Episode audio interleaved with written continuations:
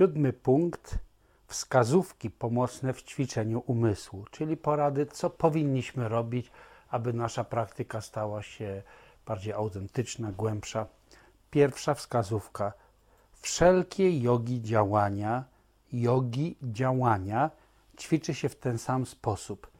Tutaj słowo yoga oznacza po prostu połączenie różnego rodzaju aktywności, zwykłych, codziennych aktywności z praktyką. W komentarzu Lodrotaje mówi, w codziennym życiu kontynuuj swoją praktykę z jedną tylko motywacją. Zawsze utrzymuj intencję pomożenia istotom, pomożenia innym we wszystkim, co robisz, jedząc, ubierając się, śpiąc, chodząc, stojąc i tak dalej. Faktycznie to jest bardzo cenna wskazówka, która mówi, jak każdy rodzaj działania, jakikolwiek wykonujemy, zawsze połączyć z praktyką, uczynić z tego część praktyki. Na przykład y, pamiętam w y, ustnych naukach, jakie słyszałem na ten temat, na przykład było powiedziane, kiedykolwiek idziesz w górę po schodach, myśl, obym był w stanie wyprowadzić, był oczywiście, była, też każdy sobie przetłumaczy na, na swój język, no, obym był w stanie wyprowadzić wszystkie czujące istoty z niższych sfer samsary. Kiedy schodzimy w dół, zawsze powinniśmy sobie pomyśleć, jestem gotów zejść nawet do najniższych otchłani samsary, po to, żeby wyzwalać stamtąd czujące istoty. Kiedy otwieramy drzwi, możemy sobie pomyśleć, obym otworzył bramy do wyzwolenia dla każdej z czujących istot. Kiedy zamykamy drzwi, obym zamknął wrota do odrodzenia, najlepiej w samsarze, a przynajmniej do odrodzenia w niższych światach, dla każdej z niższych światów, dla każdej z czujących istot. Kiedy na przykład myjemy się, czy to na zewnątrz, czy na przykład myjemy zęby, zawsze możemy pomyśleć, tak jak e, zmywam z siebie brud ze swojego ciała, żebym był w stanie zmyć wszystkie splamienia z mojego umysłu i z umysłu wszystkich czujących istot. Kiedy się ubieramy, w przypadku praktyk e, Vajrayany mówi się o tym, żeby zawsze myśleć o tym, że przywdziewam ozdoby i dama, które są symbolem właściwości Buddy. Tu na ścieżce Mahajany jest zawsze dobrze pomyśleć, obym przywdział zbroję współczucia, albo, albo żebym odział się we wszystkie ozdoby, wszystkie dobre właściwości bodhisattwy, żebym był w stanie każdej czującej istocie em, jakby przydać tego rodzaju właściwości. Kiedy zmywamy naczynia, w ogóle zmywanie, sprzątanie to są wyjątkowo korzystne aktywności zarówno na ścieżce bodhisattwy, jak też i na ścieżce Mahamudry. Doskonałe okazję do praktykowania Mahamudy. W tym przypadku na w etapie praktyki lodziąg, zmywając naczynia, myślimy, obym zmył brud z umysłu wszystkich czujących istot. Czyli zamiatając, obym wymiótł złą karmę wszystkim czującym istotom. I tak we wszystkim, co robimy, wynosząc śmieci, zakładając buty, piorąc ubranie i tak dalej, i tak dalej. We wszystkim, co robimy, możemy to zawsze, nie tylko możemy, wskazane jest, żebyśmy połączyli to z motywacją bodhisattwy, ale chciałbym do tego dać jeszcze dwie takie e, od siebie rady. Po pierwsze, żeby to robić jednak z takim pewnym, można powiedzieć, zdrowym dystansem do siebie, dlatego że jak się tak będzie każde zdrowym dystansem, czy mam też na myśli takim rodzajem zrelaksowania umysłu, że jak się uda przypomnieć przy tym, jak coś robimy, najlepiej przy takich właśnie rzeczach jak zmywanie czy innych aktywnościach, w których powtarzamy monotonnie wiele razy to samo, te same gesty, te same ruchy, wtedy łatwiej jest to połączyć z medytacją. Jak się co chwilę dzieje coś innego, wtedy łatwo ulegamy rozproszeniu ale też ten taki zdrowy dystans oznacza, żebyśmy nie popadli w taki rodzaj paranoi, że tak ojej, niedobrze, otworzyłem drzwi i nie pamiętałem o czujących istotach.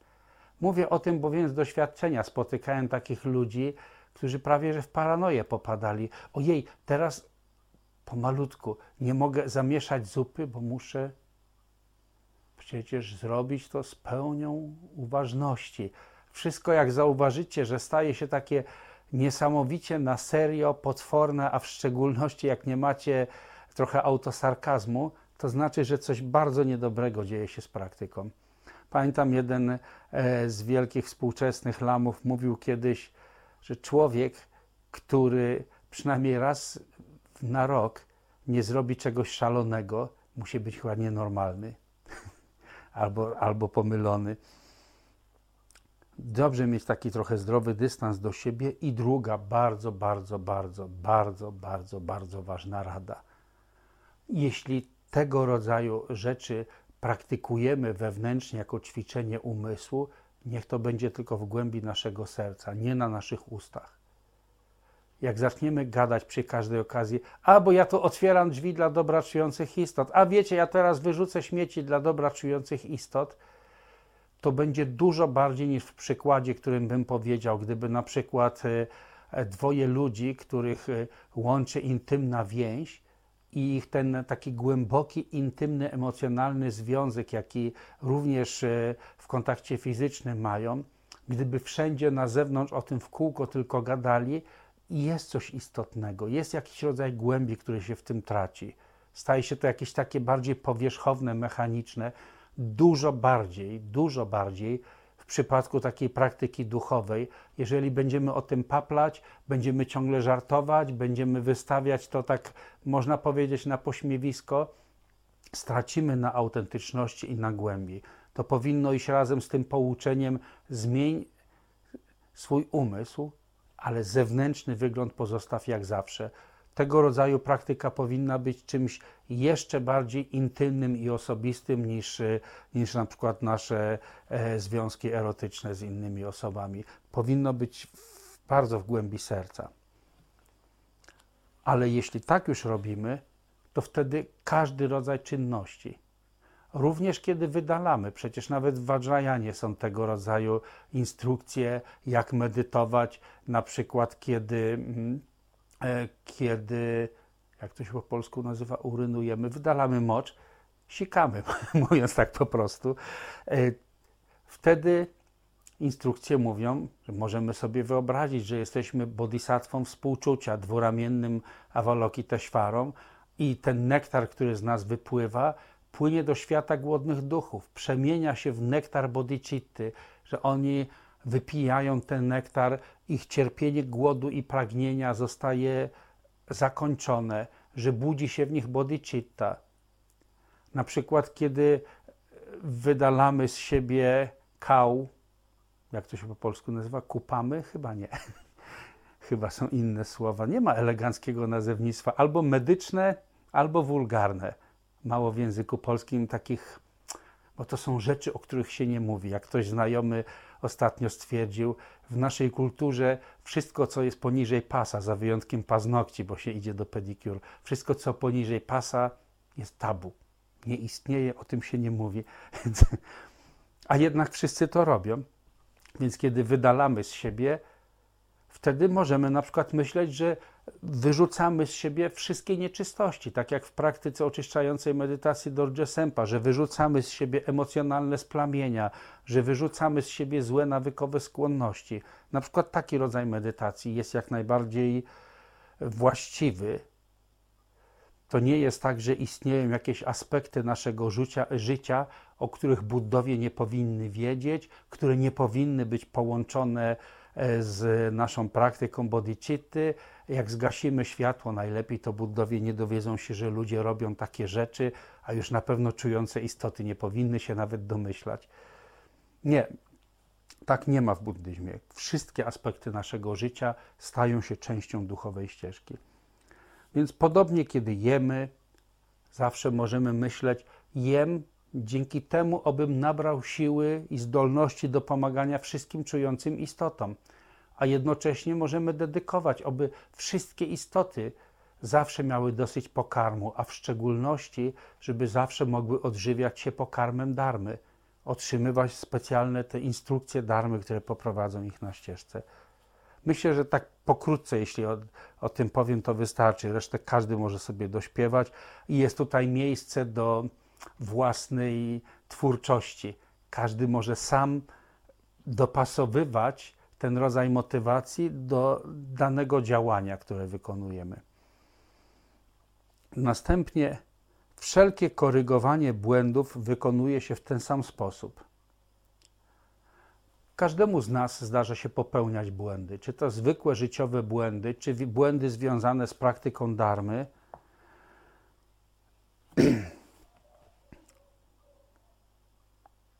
Kiedy popełnimy błędy, powinniśmy sobie uświadomić, rzeczywiście to, co zrobiłem, było niewłaściwe, było niegodne, nie tak chciałem, ale przecież nie tylko mnie się takie rzeczy przydarzają. Wszystkie czujące istoty, podobnie jak wszyscy praktykujący darmę, zdarza się, że miewają błędy. Dlatego, oby w moich błędach zebrały się i wypaliły błędy wszystkich innych, oby nikt nie doświadczał żadnych błędów na ścieżce do stanu Buddy.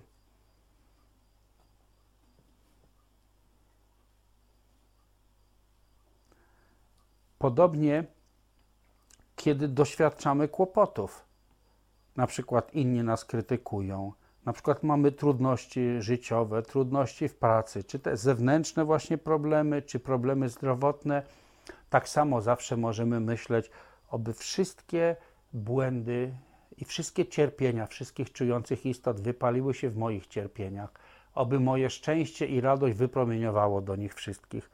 I albo będziemy w stanie poprzez medytację brania i dawania to zastosować, albo jeśli nie ma warunków do tego, żeby faktycznie skupić swój umysł na wizualizowaniu białego, czarnego, myśleniu o dawaniu i braniu w połączeniu z rytmem oddechu, zamiast tego wystarczy sama tylko intencja, sama taka e, myśl w tym kierunku. Przy okazji pojawiło się w międzyczasie pytanie, tutaj mi Lama Ewa doniosła na czacie, ktoś zadał pytanie, co zrobić, kiedy próbujemy praktykować e, medytację Tonglen, czyli brania i dawania, i właściwie przychodzi nam na myśl jedna osoba. Czy mamy się skupiać na tej osobie, czy zawsze powinniśmy myśleć o wszystkich istotach? E, odpowiedź jest tak. Czyli zarówno jedno, jak i drugie jest właściwe. Kiedy myślimy o jednej osobie, to pamiętajmy, żeby nie popaść w błąd stronniczości, że nasze współczucie i miłość sięga tylko jednej osoby. Zawsze powinniśmy myśleć o wszystkich istotach, ale też trudno jest tak, to staje się czasami takie bezosobowe i takie bardzo rozmyte o wszystkich istotach, więc w kontekście wszystkich istot dobrze jest pomyśleć, czy można też pomyśleć o któryś konkretnie, szczególnie, które teraz akurat są obiektem naszego skupienia. Użyłbym takiego porównania, jeżeli na przykład spoglądacie teraz na ekran, w ten kadr i załóżmy, kiedy mówię, ktoś skupia się na moich gestach, skupia się na mojej twarzy i w tym momencie może nie jest świadomy chociażby tego dzwonka, bębenka, które tu leżą, nie skupia się na tym, ale jakby nie traci tego ze, w ogóle ze swojego pola postrzegania. Będąc świadomym tego, że jest cały kadr, na którym jest ileś elementów, w danym momencie skupiamy się szczególnie na jednym. Jestem przekonany, że w momencie, kiedy powiedziałem na przykład o tym pojemniku na ryż, czy o tym dzwonku, to w tym momencie uwaga większości osób słuchających skupiła się właśnie na tym obiekcie, albo nie, nie tracąc świadomości tego, że jest ktoś, kto na to wskazuje, że jest stolik, o który opiera rękę. Podobnie w kontekście wszystkich czujących istot, w danym momencie możemy skupić się na jakiejś grupie czujących istot, ale nie tracimy z pola świadomości tego, że istnieją wszystkie istoty, którym również życzymy dobrze. Mam nadzieję, że ta wskazówka jest jakoś pomocna. Zarówno wszystkie istoty, jak i na kimś konkretnie można się skupić. Jedno i drugie jest właściwe.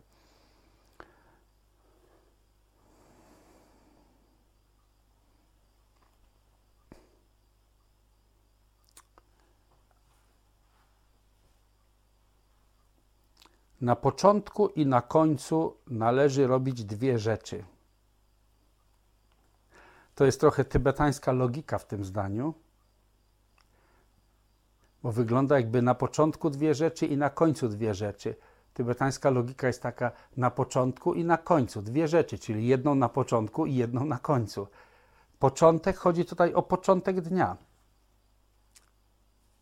Kiedy budzimy się rano, powinniśmy zaraz z rana pomyśleć: Dzisiaj dokonam wszelkich starań, aby nie zapomnieć o bodhicitcie, aby ich nie utracić. Dzisiaj dołożę wszelkich starań, aby bodhicitta cały czas mi towarzyszyła i wszystkie działania, żeby z niej wypływały. W ciągu dnia oczywiście staramy się to tak dobrze, jak potrafimy realizować. Może przypomnie nam się w ciągu dnia kilka razy, szereg razy o tej motywacji, a później na końcu dnia podsumowujemy sobie: aha, to i to dzisiaj mi się udało całkiem nieźle. Udało mi się utrzymać czystą motywację, udało mi się zrobić takie dobre czyny. Całą zasługę, która z tego płynie, dedykuję wszystkim czującym istotom. Ale w tym miejscu to potknięcie. To, co powiedziałem, to było niewłaściwe. Nie tak powinien się zachować bodhisattva. Miałem takie i takie te, mm, nieczyste motywacje, myśli związane z gniewem, z zawiścią. Nie, tego nie chcę się uczyć. Żałuję, postaram się na drugi raz unikać tego rodzaju błędów. A więc na początku dobre postanowienie, wieczorem podsumowanie, jakie rzeczy były właściwe, co chcemy dalej podtrzymywać i rozwijać, jakie niewłaściwe, jakich chcemy się pozbyć. To są dwie rzeczy, które się robi na początku i na końcu. Którekolwiek z dwóch się pojawia, bądź opanowany. Dwa, którekolwiek z dwóch, te dwa oznacza sytuacje przynoszące cierpienie, problemy, wszelkiego rodzaju niedogodności. Zwykle jest tak, że jak pojawiają się tego rodzaju problemy, a to wtedy nam się przypomina praktyka. No chyba, że ktoś jest totalnie wtedy zaślepiony gniewem i, i całkowicie zapomina o ścieżce bodhisattwy. Ale często jest tak, ja na przykład obserwowałem to u wielu przyjaciół, kiedy tylko pojawiły się problemy z koronawirusem i pierwsze ograniczenia w swobodzie, w swobodzie przemieszczania się, och, zewsząd, jak mieliśmy tutaj jeszcze te pierwsze transmisje, spotkania grabnickie online, zewsząd pojawiały się głosy, jak teraz nagle musimy praktykować, tak jakbyśmy wcześniej nie musieli. Ale jak pojawia się jakiś rodzaj niebezpieczeństwo, jakiś rodzaj mm, takiej niepewności, tak, potrzeba buntów, potrzeba praktyki. A jakbyśmy chcieli przyjechać do ośrodka, mimo że wcześniej lata płyną, nie przyjechaliśmy, i z całą pewnością nie, nie było to e, z powodu e, braku w środku, e, środków finansowych na bilet, tylko inne okoliczności na to wpływały. I to nie, nie mówię o tym, żeby krytykować, przede wszystkim własne swoje błędy w ten sposób próbuję też jakby ukazać, upomnieć siebie, że jak, jak trwoga, to do Buddy, tak? Natomiast e, bardzo często jest tak, że kiedy wszystko układa się pomyślnie, mamy sukcesy, inni nas chwalą, pojawiają się pieniądze, pojawiają się możliwości, a to wtedy zapominamy o praktyce. Być może, że z punktu widzenia takich praktycznych działań, być może wtedy mamy rzeczywiście więcej pracy, ale to nie znaczy, żeby zapominać o ścieżce bodhisattwy nie tylko wtedy, kiedy mamy problemy, choroby, cierpienia, nie tylko wtedy powinniśmy myśleć, oby cierpienia wszystkich istot dołożyły się do moich cierpień, a moje szczęście, żeby wypromieniowało do innych. Ale również wtedy, kiedy inni nas chwalą, mamy sukcesy, mamy jakieś doświadczenia radości, może się udało wyjechać na wspaniałe wakacje, które od dawna nam się należało, byliśmy przemęczeni, przepracowani Och, jaka przyjemność wreszcie móc nic nie robić, a potem odpocząć, a potem znowu sobie poleżeć, zjeść coś smacznego. To nie jest czas, kiedy zapominamy o bodhicitcie. Naprawdę nie ma nic złego w tym, że od czasu do czasu mamy urlop, że mamy jakieś przyjemności, ale powinniśmy wtedy też myśleć, oby całe moje szczęście i radość, to, że tak dobrze się sprawy układają, że mam takie sukcesy w biznesie, życzę, żeby wszystkie czujące istoty miały co najmniej takie samo szczęście albo jeszcze bardziej. Jak już mówiliśmy o tym, że e, pewne e, aspekty naszego życia są tabu, pamiętajmy, dla bodhisattwy i dla buddów nie ma tabu. Oni są wszechwiedzący, wszystko widzą.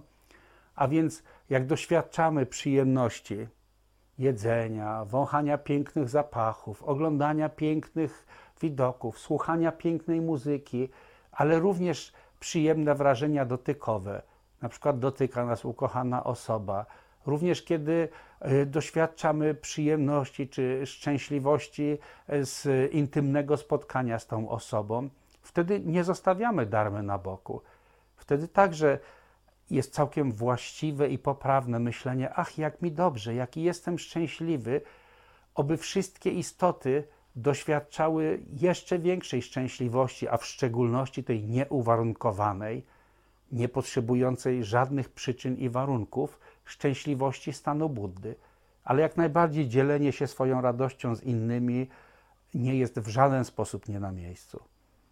Nie ma także pewne rodzaje e, radości czy zadowolenia są zakazane, nimi nie wolno się dzielić z czyjącymi istotami. Pokrótce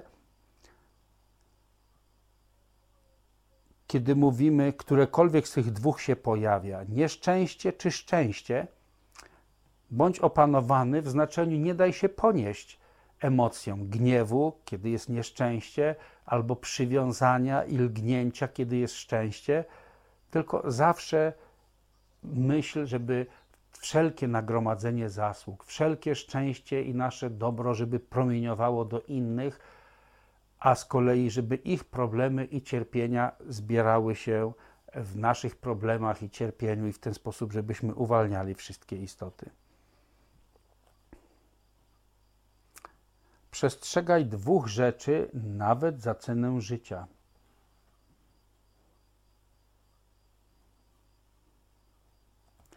Lodrotaje mówi, ponieważ zarówno obecne, jak i przyszłe szczęście, przyszłe w tym życiu i w przyszłych żywotach, i obecne w tym życiu, ono całkowicie pochodzi z przestrzegania reguł darmy. Dlatego nie powinieneś złamać czy też zniszczyć tych trzech rodzajów ślubowań, czyli etycznego postępowania, które jest tym, co faktycznie prowadzi nas do uwolnienia od cierpienia i przynosi nam szczęście w przyszłości. Dalej ślubowań bodhisattwy i ślubowań vajrayany. Nie powinieneś ich złamać, a w szczególności wszystkich tych postanowień związanych z lodzią, z ćwiczeniem umysłu w postawie bodhisattwy. Nawet za cenę życia. To tak jak pamiętacie, opowiadałem wczoraj, jak e, ten mnich mówił Dalaj Lamie, że kiedy był katowany e, w więzieniach, w łagrach, jedyna rzecz, którą uważał za niebezpieczną, to było niebezpieczeństwo, że utraci, chwilami już bał się, że utraci współczucie wobec tych, którzy go bili. Nawet za cenę życia tego nie powinniśmy zrobić. Nie powinniśmy utracić współczucia. Przypomnę, że w tej chwili mówimy cały czas o motywacjach, o tym, co dzieje się z umysłem, a nie o tym, jak to realizować na poziomie konkretnych działań ciała i mowy. Bo z drugiej strony, przy innych okazjach pamiętam, jak na przykład e, Tengarim Pocze był na wprost pytany, a czy w takim razie, jak jesteśmy na ścieżce bodhisattwy, a ktoś próbuje nas zabić, to mamy tak po prostu ćwiczyć cierpliwość i pozwolić się zabić? Rinpoche mówi, nie, w żadnym wypadku, nie byłoby w tym żadnego pożytku.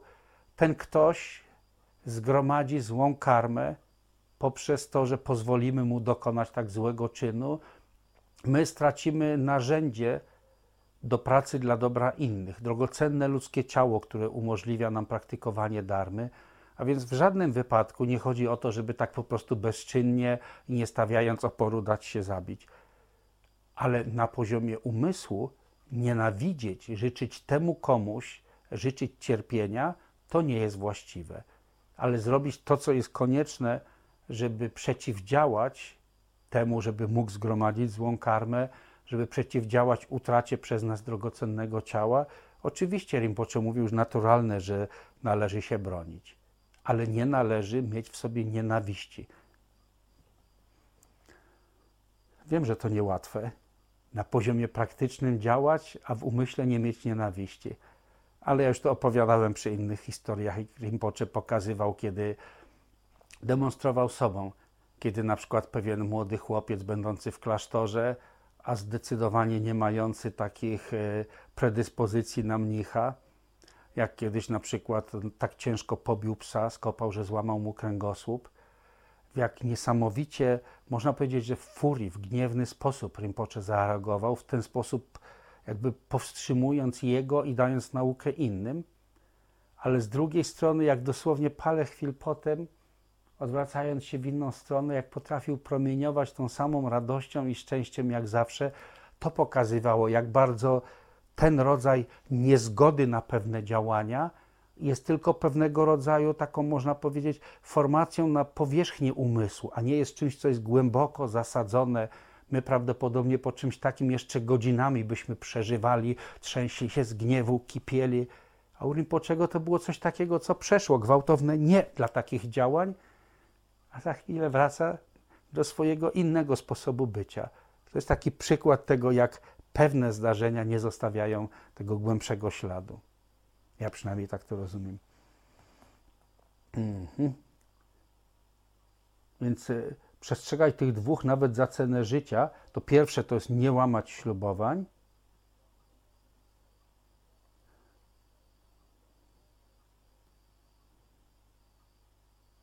A po drugie, żeby przestrzegać tych ślubowań nie dla osobistych korzyści, tylko rozumiejąc, że to jest po to, żebyśmy nabrali zdolności do pomagania innym, czyli nie utracenie motywacji bodhisattwy.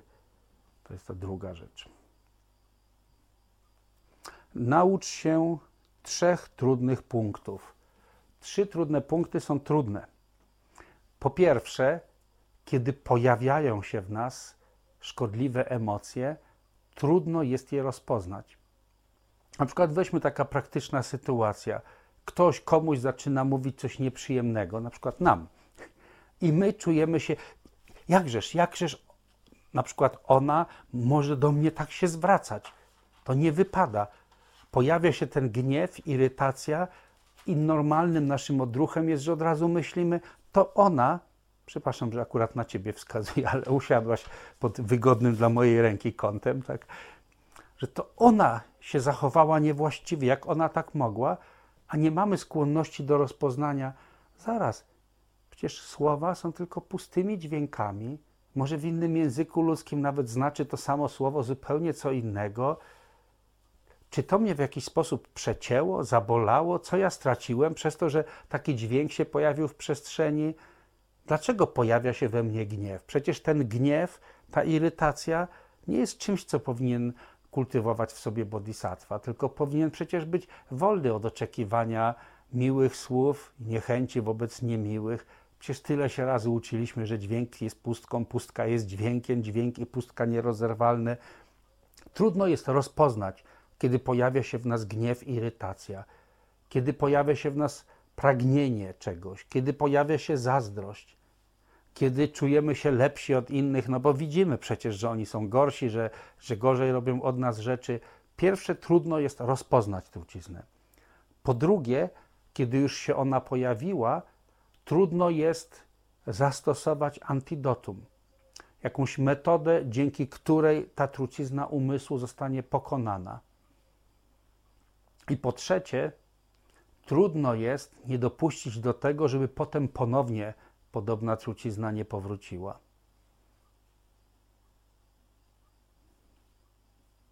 To są te trzy trudne punkty. Nauczyć się rozpoznawać emocje, nauczyć się im przeciwdziałać. Trzecie, nauczyć się nie dopuszczać do ich ponownego pojawiania się.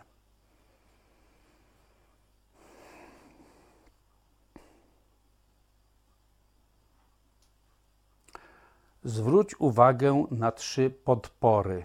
Podpory, nie potwory, podpory. Trzy podpory. Podpory dla naszej praktyki. Jeżeli mamy to, na czym możemy się oprzeć, może tak po polsku podpórka to brzmi tak troszkę zbyt nie, nieelegancko, ale to jest podpora w czymś, na czym możemy się oprzeć, co jest dla nas ostoją, jest dla nas wsparciem. Pierwsza z nich to jest dobry lama. To znaczy taki, który sam otrzymał autentyczne nauki od autentycznych nauczycieli, z prawdziwej linii przekazu. Nie jest domorosłym guru, który sobie pozmyślał, poczytał. Drugie, że on, ciągle jeszcze mówię o tym lamie, że on nie tylko słuchał nauki, ale je stosował w praktyce. I po trzecie, jeszcze chce i potrafi nam je przekazać. Było i jest wielu wspaniałych praktykujących, którzy sami potrafią świetnie zastosować darmę, ale w ogóle nie są zainteresowani nauczaniem innych.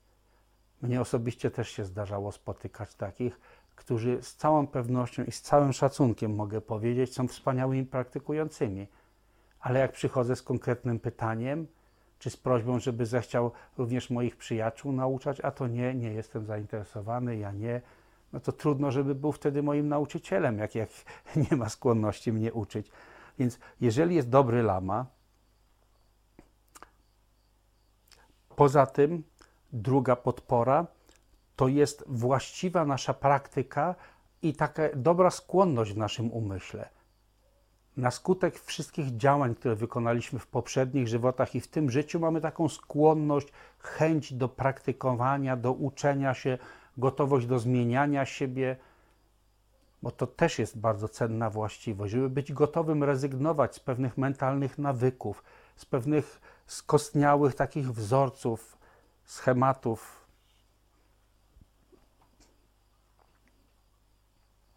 I wreszcie trzecia podpora, czy trzecie wsparcie, to sprzyjające warunki do praktykowania darmy.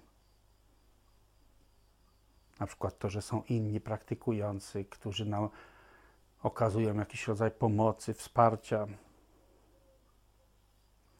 I do tych y, dobrych warunków należy również to, że mamy wystarczająco wiele jedzenia, ubrania i tak dalej, mamy gdzie mieszkać. Kiedy mamy te trzy,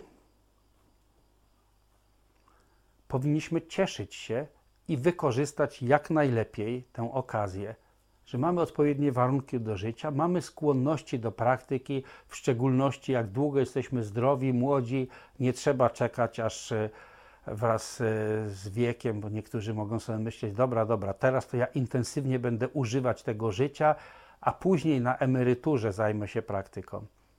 W pewnej e, wspaniałej pieśni, wołając lamę z daleka, jest powiedziane właśnie, kiedy byłem młody, marnowałem czas na różne nieważne przyjemności, na ciągle, ciągle byłem zajęty interesami, kiedy byłem trochę starszy. A teraz, kiedy już jestem stary i chciałbym praktykować, moje złe zmysły już nie są tak silne, pamięć słaba, nie mam siły. O, Lamo, tylko w Tobie jest moja nadzieja, tak autor tej pieśni, Shamar Kinciok Jenlak mówi ale jak popatrzymy na siebie, to też w sobie dostrzegamy pewnie ciągle taką skłonność. Dobrze, dobrze, będę praktykować jutro, pojutrze, za jakiś czas. Na razie mam tyle ważnych rzeczy do zrobienia, przecież muszę te sprawy pozałatwiać. Są rzeczy, które są niezbędne do zrobienia, ale jest gdzieś zdrowy rozsądek, ponieważ nie wiemy, czy zdążymy pozałatwiać wszystkie sprawy. Jak powiadają święte księgi, Pan śmierci nigdy nie pyta, czy już załatwiłeś wszystkie swoje sprawy, czy doprowadziłeś wszystko do końca, a jeszcze nie, to przepraszam, to ja na razie poczekam. Przychodzi pewnego dnia, czasem bywa, że zupełnie znienacka, nie pozwala nam nic dokończyć. A więc kiedy mamy zarówno zewnętrzne okoliczności, wewnętrzne predyspozycje, dobrego lamę, wówczas powinniśmy poświęcić się i wykorzystywać swój czas do praktyki darmy. Ale bywa, że brakuje nam tego. Ktoś pragnie spotkać lamę, ale mu się nie udaje. To nie jest tylko kwestia tego, czy istnieją w okolicy dobrzy lamowie, czy nie, ale również kwestia tego, czy mamy odpowiednie karmiczne więzi z danym nauczycielem. Znam takich praktykujących, którzy w przeszłości, w życiu spotkali wielu wspaniałych lamów, którzy mają wspaniałe warunki do praktykowania, a w umyśle ciągle takie poczucie głodu, a jeszcze muszę się nauczyć tego rytuału, a jeszcze muszę się nauczyć takiej praktyki, a jeszcze to muszę przestudiować. A gdyby tak jedną z praktyk, do której przekaz już dostali, jak to się mówi, tak wzięli na warsztat, naprawdę zastosowali, to pewnie już by byli wielkimi bodhisatwami. Czasami taka mentalna skłonność do szukania coraz to nowych informacji, coraz to nowych przekazów, coraz do nowych praktyk też bywa przeszkodą. Ale jeśli nie możemy spotkać takiego lamy, po spotkaniu którego mielibyśmy już taki rodzaj poczucia satysfakcji, ja już nie muszę wszędzie szukać. Ja jestem jednym z tych szczęściarzy, który jak spotkał Tengę Rinpoche, już potem, dopóki Rinpoche żył, nigdy żadnego lamy nie pytałem o moją osobistą praktykę. Po prostu w ogóle nie było takiej potrzeby. Rinpoche powiedział, rób to i to i to. I miałem to poczucie, że, że po prostu po co mam pytać? Przecież już wiem, co mam robić. Jeśli przyszedł czas, aby skupić się na jakimś innym aspekcie praktyki, Rinpoche mi to powiedział. Kiedy miałem pomysły na inne praktyki, Rinpoche mówił, nie, trzymaj się tego, to jest dla ciebie najlepsze i z czym tu dyskutować. Rinpoche wie, co jest dla mnie najlepsze, a nie ja wiem, co jest dla mnie najlepsze. W końcu kto tu jest guru? Rinpoche czy ja? On jest moim guru, jego mam słuchać, a nie siebie. Także jeśli jednak ktoś nie spotkał takiego lamy, któremu może tak zaufać i ma ciągłe poczucie, brak mi lamy, albo brak mi okoliczności, nie mam jedzenia, pracy, warunków, nie mogę zrobić nic, albo brak nam wewnętrznych predyspozycji. No, chciałbym praktykować, tylko mi się nie udaje, tylko mam tyle lenistwa w sobie, albo siadam do medytacji, od razu zasypiam. Jak inne rzeczy robię, to jestem taki pobudzony. Mam ilu przyjaciół, bardzo często widzę w czasie wykładów, że tylko zaczyna się mówić od razu a jak inne rzeczy, w szczególności opowiadanie kawałów po jedzeniu, ha, pierwszy, pierwszy, jak najbardziej, zaczyna się słuchanie darmy. I to niezależnie od tego, jaki nauczyciel, kto i czego naucza. Zaczyna się medytacja tak samo. A więc nie mamy tej wewnętrznej, tych wewnętrznych predyspozycji, również w takich sytuacjach jak najbardziej możemy zastosować lodziąg oby to, że nie mogę spotkać właściwego nauczyciela, co jest dla mnie tak wielką przeszkodą, oby w tej przeszkodzie zebrały się wszystkie przeszkody czujących istot. Tyle istot, tyle praktykujących pragnie, pragnie spotkać wielkich, wspaniałych lamów, oby w tym, że ja nie mogę spotkać upragnionego lamy, oby wypaliła się ta zła karma wszystkich istot. Mam przeszkody w medytacji nawet w lodziąg. No, rozumiem, że to są chyba wspaniałe nauki, ale nie mam siły. Dla mnie to jest takie za trudne albo takie przerażające myśleć o wszystkich istotach. Przecież nieskończona ilość. Jak ja mogę pomóc wszystkim istotom? Nieskończony czas, a jakie trudy nieograniczone. Nie mam odwagi. Oby ten brak odwagi wszystkich czujących istot zebrał się w moim braku odwagi faktycznie wszystkie przeszkody, jakie mamy na ścieżce, wszystkie niedoskonałości zawsze powinniśmy połączyć z praktyką lodziąg. Na przykład przez medytację brania i dawania, albo przez samą tę intencję tylko, aby w moich niedoskonałościach wypaliły się wszystkie niedoskonałości wszystkich istot. I wtedy okazuje się, że nawet to, co jest naszymi słabościami, staje się, jak ja to nazywam, paliwem napędowym na ścieżce bodhisattwy, czy nawozem, na którym wzrasta miłująca dobroć i współczucie.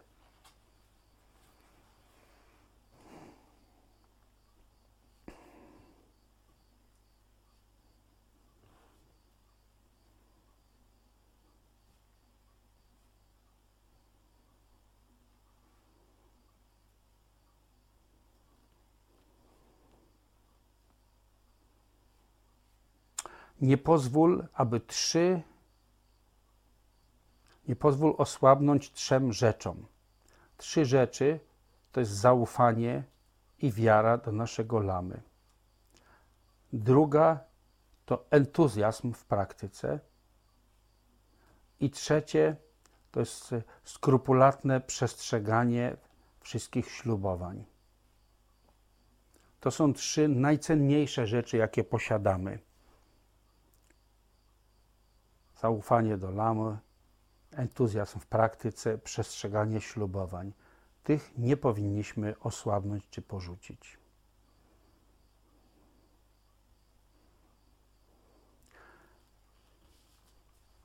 Niech te trzy będą nieoddzielne. Te trzy to jest ciało, mowa i umysł. Starajmy się, żeby dzięki postawie bodhicitty działania ciała i mowy zawsze szły w dobrym kierunku, zawsze były wykorzystane na ścieżce z tą intencją, nawet kiedy wykonujemy najbardziej banalne, chociażby, nie wiem, mycie ubikacji, wynoszenie śmieci, czy jakieś inne działania. Zawsze możemy to połączyć z medytacją bodhicitta. Już mówiłem o tym jak, poprzez różne dobre życzenia. Starajmy się, żeby wszystkie działania ciała i mowy dzięki właściwej postawie umysłu były nieoddzielne od darmy. Ćwicz się, czy ogarniaj swoją praktyką wszystkie obszary bezstronniczości. Uważaj, by osiągnąć w tym wprawę i prawdziwą głębię.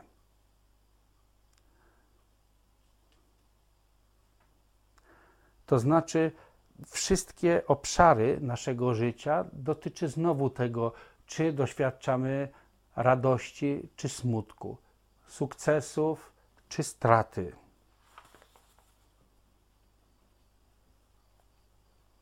Czy czasami popadamy w apatię i obojętność? Wszystkie te obszary naszego życia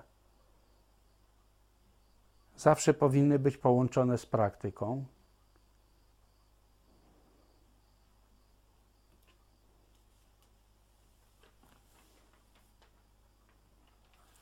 I również wszystko to, co napotykamy, czy czujące istoty, czy różne sytuacje, chociażby przeszkody ze strony przyrody. Mieliśmy plany na wspaniały spacer, tu zaczyna padać.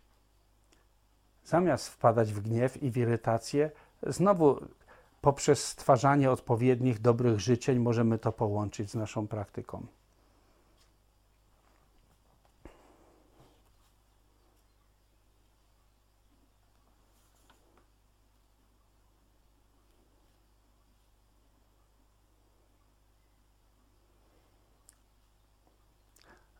Ja nie będę każdego z tych punktów po kolei wyjaśniać, bo tak jak na początku mówiłem, a tu Ania pytała, czy wystarczy czasu na omówienie całego siódmego punktu. Nie, kiedyś, gdy będziemy analizować całą tą książkę, zdanie po zdaniu, wtedy zastanowimy się nad treścią tekstu. Powiedziałem od razu na początku weekendu, głównie chodzi mi o przekazanie takich praktycznych instrukcji, jak ćwiczyć lodziąg w sesjach medytacyjnych i pomiędzy sesjami, więc ja mam kilka takich wybranych punktów, na które chętnie zwrócę jeszcze uwagę, ale nie będę każdego wyrazu w tym objaśniać. Na przykład y, jest punkt na stronie czwartej już u nas. Praktykuj ważne punkty już teraz. Co to są ważne punkty? Lodrotaje wyjaśnia, że od zawsze we wszystkich żywotach,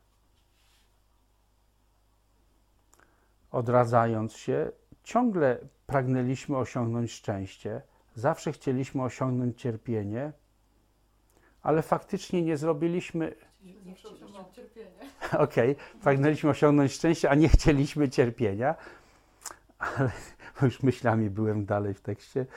Um, ale nigdy nie zrobiliśmy nic sensownego. Zawsze, jak pragnęliśmy tylko przyciągać to, co było dla nas przyjemne, a odrzucać to, co nieprzyjemne, nie potrafiliśmy odwrócić biegu rzeczy. Nie potrafiliśmy dobra innych stawiać wyżej niż własne dobro i dlatego ciągle kultywowaliśmy emocjonalne splamienia i negatywne działania.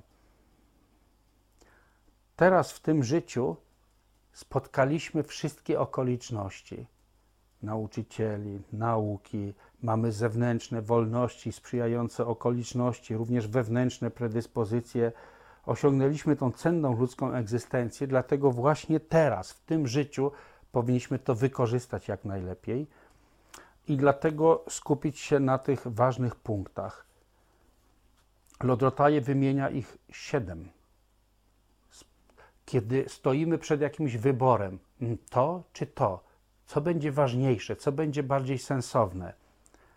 Więc na przykład cele tego życia czy przyszłych ży żywotów.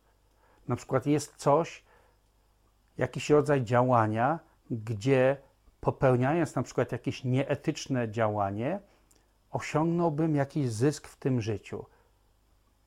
I teraz zobaczę dobre, wygodne dla mnie skutki. No ale w przyszłych żywotach te nieetyczne działania powrócą do mnie. Jaki wybór? Cele tego życia czy przyszłych żywotów? Zawsze cele przyszłego życia są ważniejsze. Dotyczy to bardzo wielu wyborów, które dokonujemy. Lepiej teraz zaangażować się w takie czyny, które teraz przyniosą konkretne rezultaty, czy w takie, które w przyszłych żywotach przyniosą. Praktykując lodziąg, powinniśmy wybierać to, co jest lepsze na dalszą przyszłość. A więc jeśli chodzi o dalszą przyszłość, czy ważniejsze jest dobre odrodzenie w samsarze, czy osiągnięcie wyzwolenia? Oczywiście to, co prowadzi do wyzwolenia z samsary, jest dużo ważniejsze niż tylko samsaryczne szczęście. Albo kiedy mam do wyboru, to jest trzecie teraz, dobro innych, czy moje własne dobro? Co będzie lepsze dla innych, czy co będzie lepsze dla mnie? Odpowiedź jest zawsze oczywista. To, co przyniesie pożytek innym, jest zawsze ważniejsze niż to, co przyniesie pożytek mnie samemu.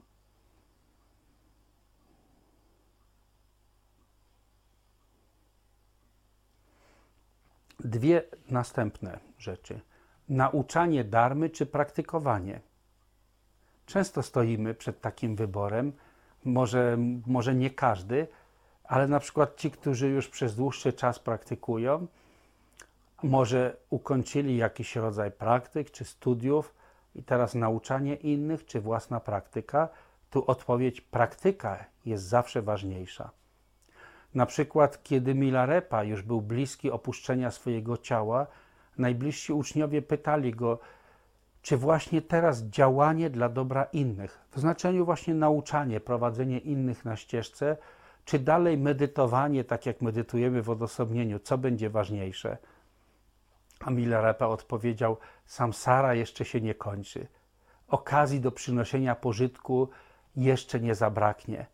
A więc teraz ważniejsze skupcie się na swojej praktyce, bo dzięki temu nabierzecie zdolności do naprawdę pomagania im w wielkim stylu, na wielką skalę. Dalej, to już będzie piąte.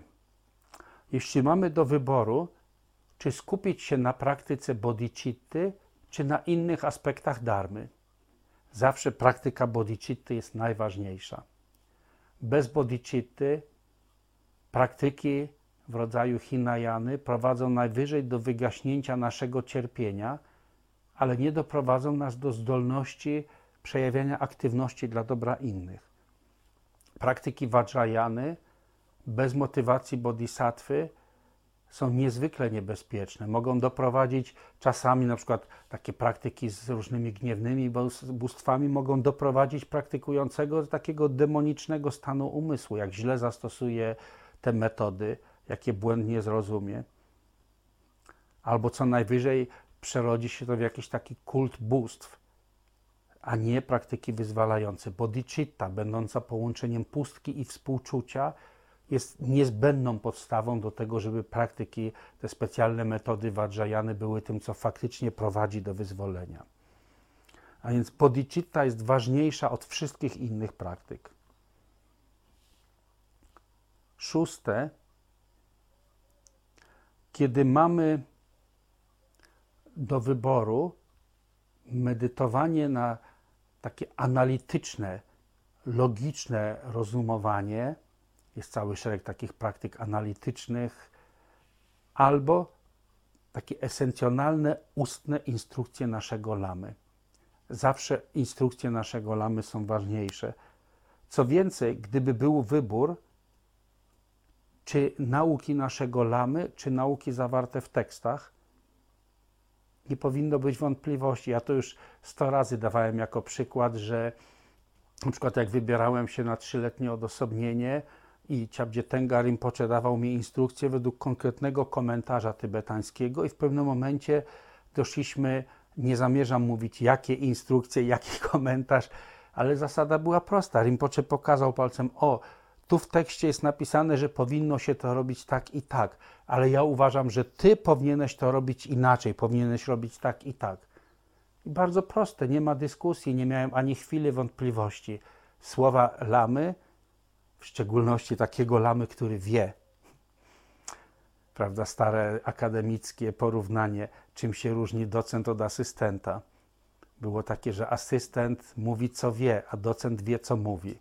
Może nie zawsze się to sprawdza w przypadku środowisk akademickich, ale autentyczny, doświadczony, urzeczywistniony lama tym się różni od wielu z nas, że my po prostu powtarzamy, co wiemy, a prawdziwy lama wie, co mówi. I wreszcie siedzenie na macie medytacyjnej, czy też ćwiczenie się w innych formach aktywności, co jest ważniejsze, siedzenie na macie medytacyjnej. Konkretna praktyka medytacyjna będzie ważniejsza od określonych aktywności. Oczywiście w kontekście, kiedy pracujemy w ośrodku, to bywa czasami inaczej. Jeśli za dzień czy dwa ma się rozpocząć wielki kurs, wielki zjazd ludzi, wtedy odwołujemy praktyki. Teraz jest czas na pracę. Każdy tylko to, co ślubował jako swoją codzienną praktykę, minimum zrobić. Jest czas na pracę i jest czas na modlitwę, jak to mawiamy. Więc czasami to jest bardzo potrzebne, ale zazwyczaj, jak mamy wybór inne aktywności, czy usiąść, na przykład powtórzyć trochę mantr, lepiej powtórzyć mantrę. Nie popełniaj błędów. I znowu tutaj jest sześć rodzajów błędnego podejścia do praktyki.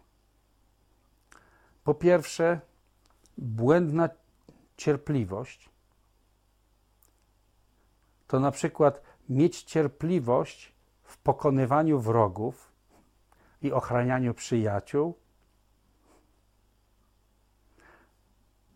albo mieć cierpliwość, czy też wielką gorliwość, na przykład w wielkich trudach, jakie są potrzebne, żeby zarobić pieniądze ale nie mieć cierpliwości albo gorliwości w przypadku trudów praktyki darmy.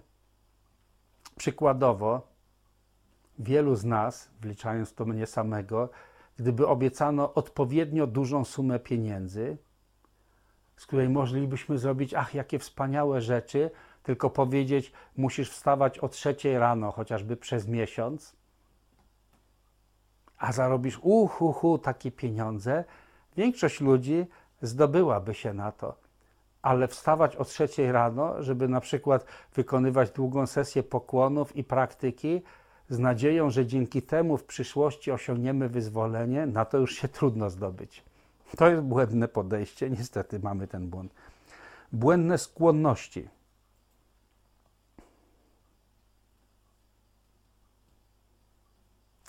To jest mieć właśnie taką skłonność, gorliwość w pracy dla osiągania celów tego życia pieniędzy, domu, sławy, bogactwa, ale nie mieć takiej gorliwości i inklinacji do praktykowania darmy.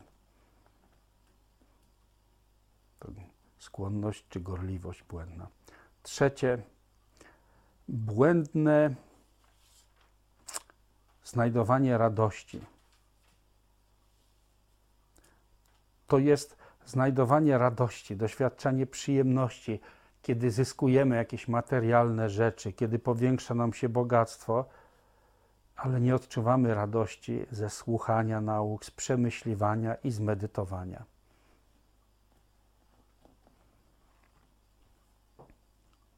Błędne współczucie.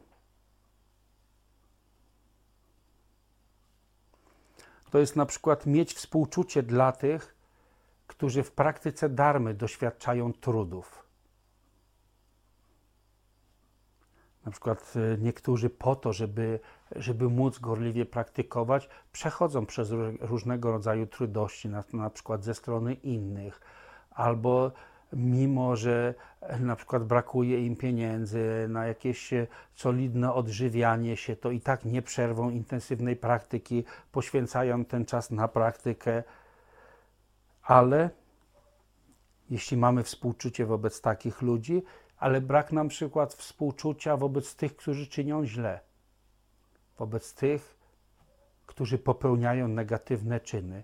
To jest takie stronnicze, błędne współczucie.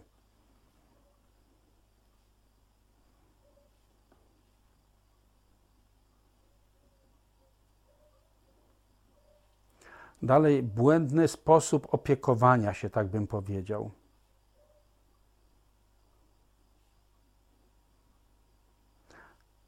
To znaczy dbać na przykład tylko o ludzi, którym zależy na poprawieniu swojej pozycji społecznej, opiekować się, pomagać tym, którzy dążą do na przykład poprawienia swojej urody, swojej zdolności fizycznej, ale na przykład nie opiekować się tymi, którzy angażują się w praktykę darmy.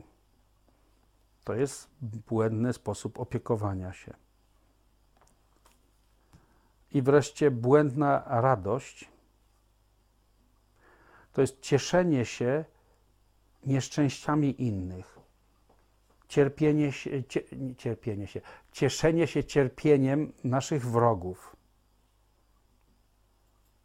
a nie cieszenie się, kiedy zrobią coś szlachetnego.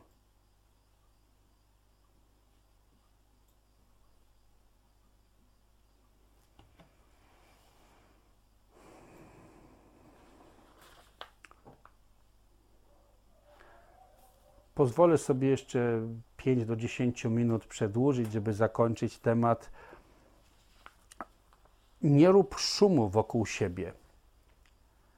Niektórzy, wykonując wielkie, entuzjastyczne wysiłki w praktyce darmy, na przykład wykonując wiele pokłonów, przechodzą przez trudy wypowiedzenia wielu mantr, usta, mowa zmęczona, ciało zmęczone i tak dalej Niektórzy mogą robić wokół tego wielkie halo. Słuchajcie, takich trudów dokonałem. Ach, ja to przechodziłem przez takie trudy w praktyce. Moim najwybitniejszym osiągnięciem duchowym jest to, że wstaję codziennie o trzeciej rano. Życie zna takie przypadki. A nie powinniśmy tego robić. Faktycznym beneficjentem naszej praktyki jesteśmy my sami to my będziemy mieli korzyści z tego, że praktykujemy. Również my będziemy mieli korzyści z tego, że praktykujemy darmę. Dlatego jest tutaj porada: nie rób szumu wokół siebie. Nie bądź kapryśny, przedostatnie w tym rozdziale. Nie bądź kapryśny w znaczeniu takim, że nie należy ukazywać tak bardzo, jak, czy też ulegać swojego rodzaju e, chwilowym stanom umysłu.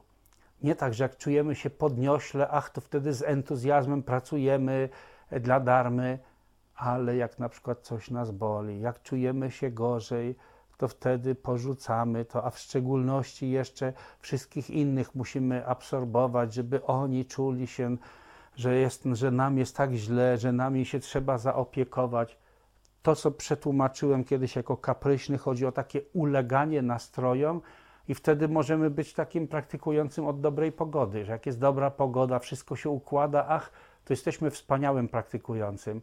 Ale jak pojawiają się przeciwności, a nie, no to sorry, dzisiaj nie ma pogody do praktyki, na razie bodhicitta odwieszamy, może wrócimy do niej, jak będą bardziej sprzyjające okoliczności. Oczywiście to nie jest właściwa postawa. I wreszcie to ostatnie, nie oczekuj podziękowań.